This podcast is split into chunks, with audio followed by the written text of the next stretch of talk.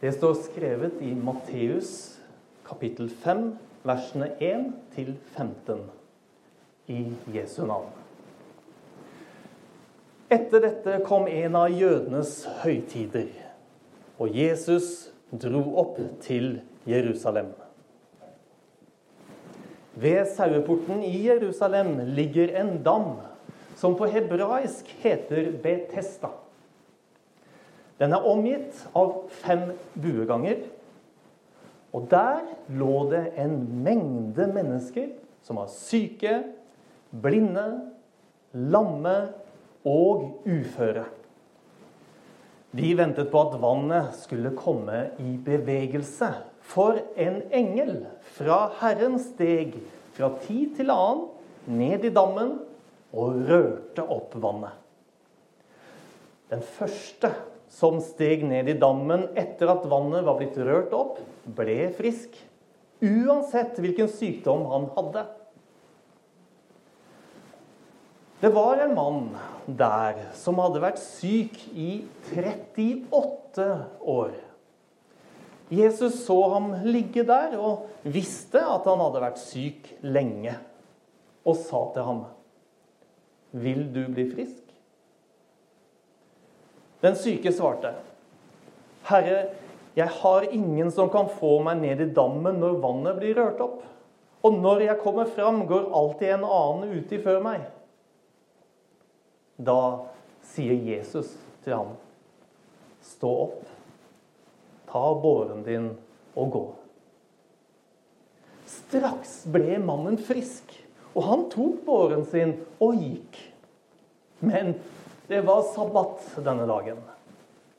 Og jødene sa til ham som var blitt helbredet, det er sabbat, du har ikke lov til å bære båren.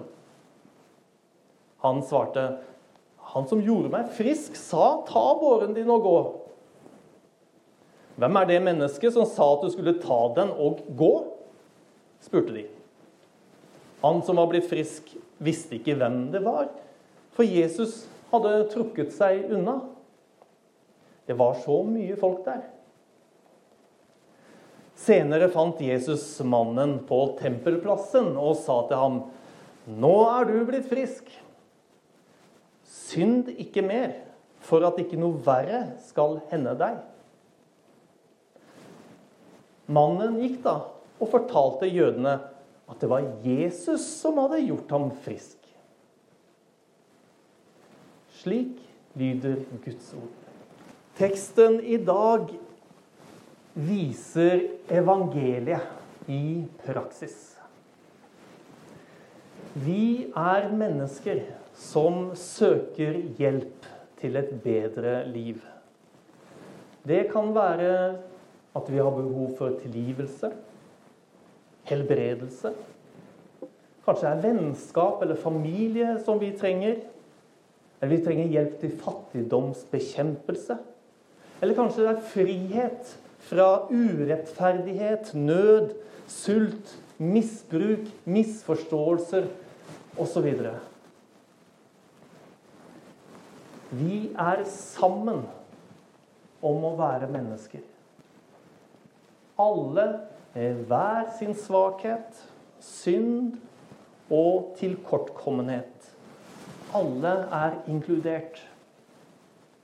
Enten vi ønsker det eller ikke, så er vi i bunn og grunn hjelpeløse. Prøv å la være å puste et minutt eller to. Kan du se hvor mye kraft du har i deg selv. Noen søker frihet gjennom ulike religioner og New Age-øvelser. Andre gjennom selvbekreftelse og selvdyrking. Det være seg gjennom såkalt seksuell frigjøring eller ved å gjøre de utroligste ting for å få masse likes på Insta, Facebook, Snapchat eller hva nå enn det heter, alt sammen.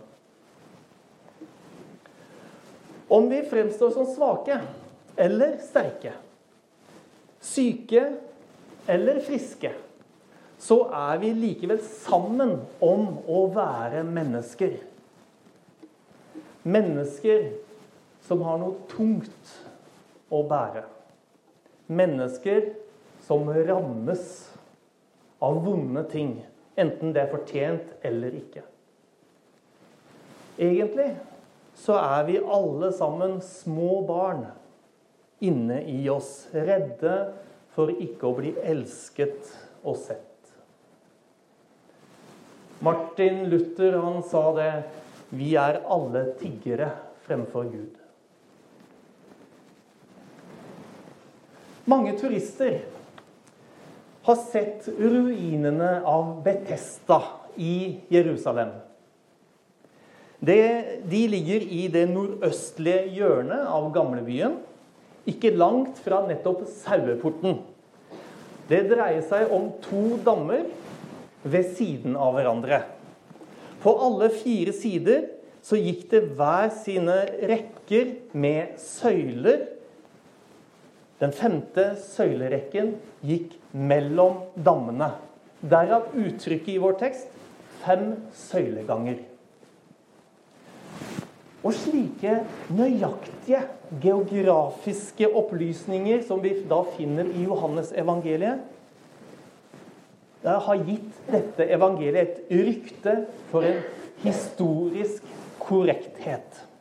Da Johannes skrev, nemlig, så lå Jerusalem i ruiner. Men øyenvitnet Johannes, han husket geografien ved de to dammene helt korrekt. Og her, ved dammen, dammene i Betesta, lå altså vår mann. Han hadde vært syk i 38 år. Det står ikke i teksten hva slags sykdom han hadde, men det er tydelig at han kan ikke ved egen hjelp komme seg de få meterne som det er bort til vannet på egen hånd. Snakk om å være ensom og fortapt. Uten håp. Midt i denne mengden av andre syke som gjorde hva de kunne for å nå frem til vannet når helbredelseskraften kom. Og inn hit, til de absolutt sykeste og håpløse, kommer Jesus. Det rareste med denne teksten, synes jeg, det er ikke at Jesus helbreder denne mannen. For det ser vi jo gjennom Bibelen. Det gjør han gang på gang. Selv om denne mannen verken viser tegn til tro eller Han, han ber jo ikke engang om å bli frisk. Men det rare er at det ser ut til at det er kun denne ene personen Jesus helbreder. Hva med alle de andre da, Jesus? Hvorfor helbredes han og hun og ikke de andre? Hvorfor ser det ut til at du griper inn overfor det ene mennesket og ikke det andre? Og jeg har ikke noe ordentlig godt svar på det. Men det ser ut til at Johannes ser på undrene til Jesus som tegn. Vår tekst, altså Johannes 5, starter med 'etter dette'.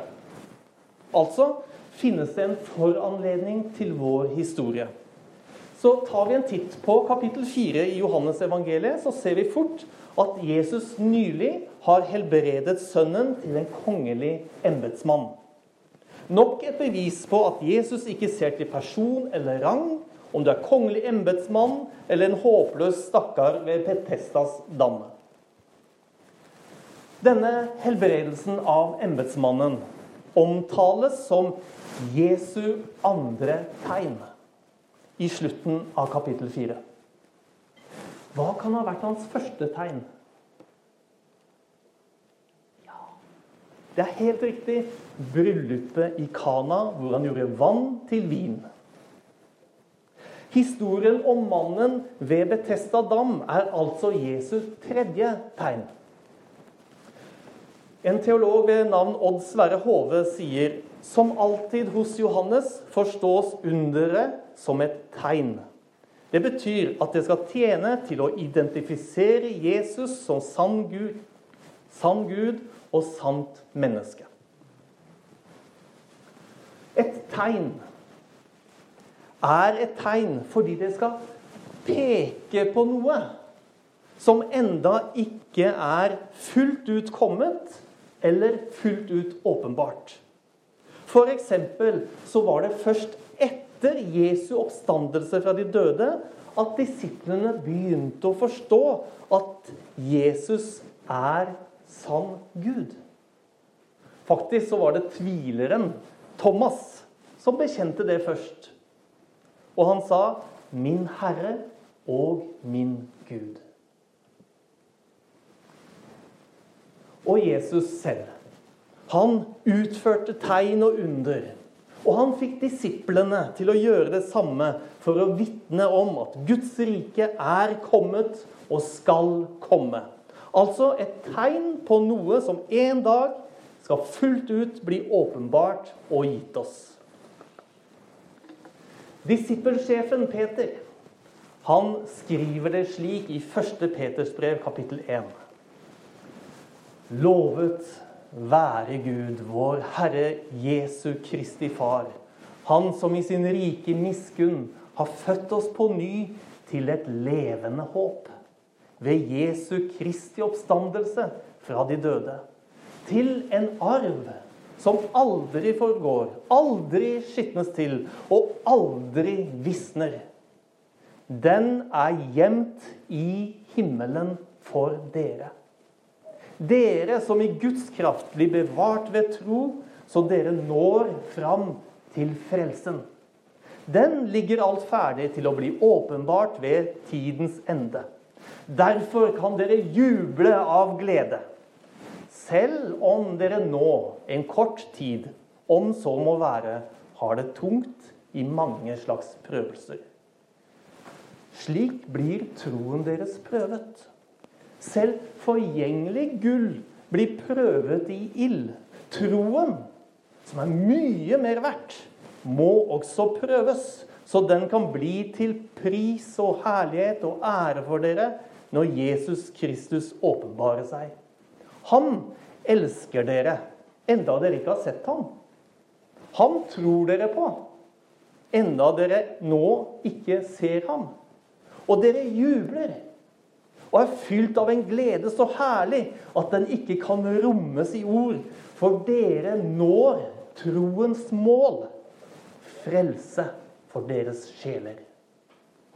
Vi jubler nå, sier Peter, for noe som skal fullt ut komme én gang. Vi jubler nå, for vi ser tegn i dag på noe som skal bli gitt oss senere.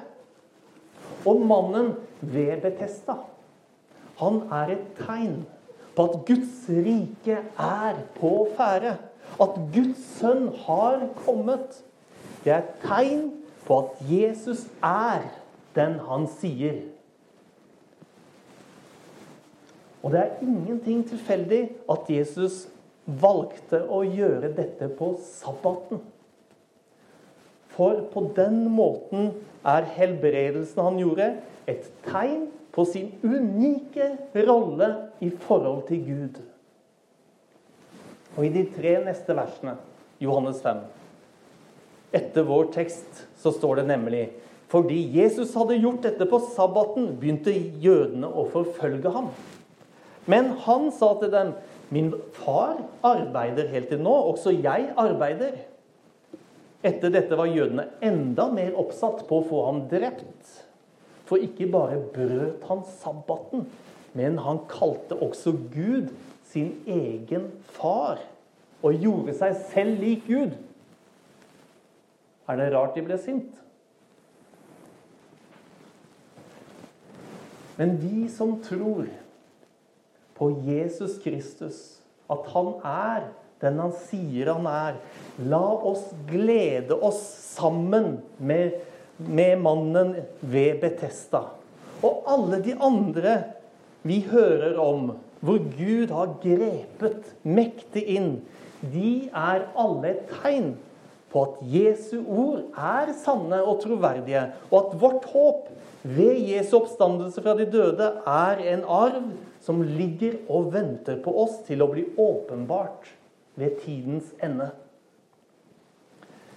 Jeg er glad for at Gud er en Gud for alle oss hjelpeløse. Enten det er at vi går tom for vin på bryllupsfesten, eller er en syk sønn eller datter av en kongelig embetsmann, eller at vi er totalt hjelpeløse alene etter 38 år med sykdom, som vår mann ved Betesta.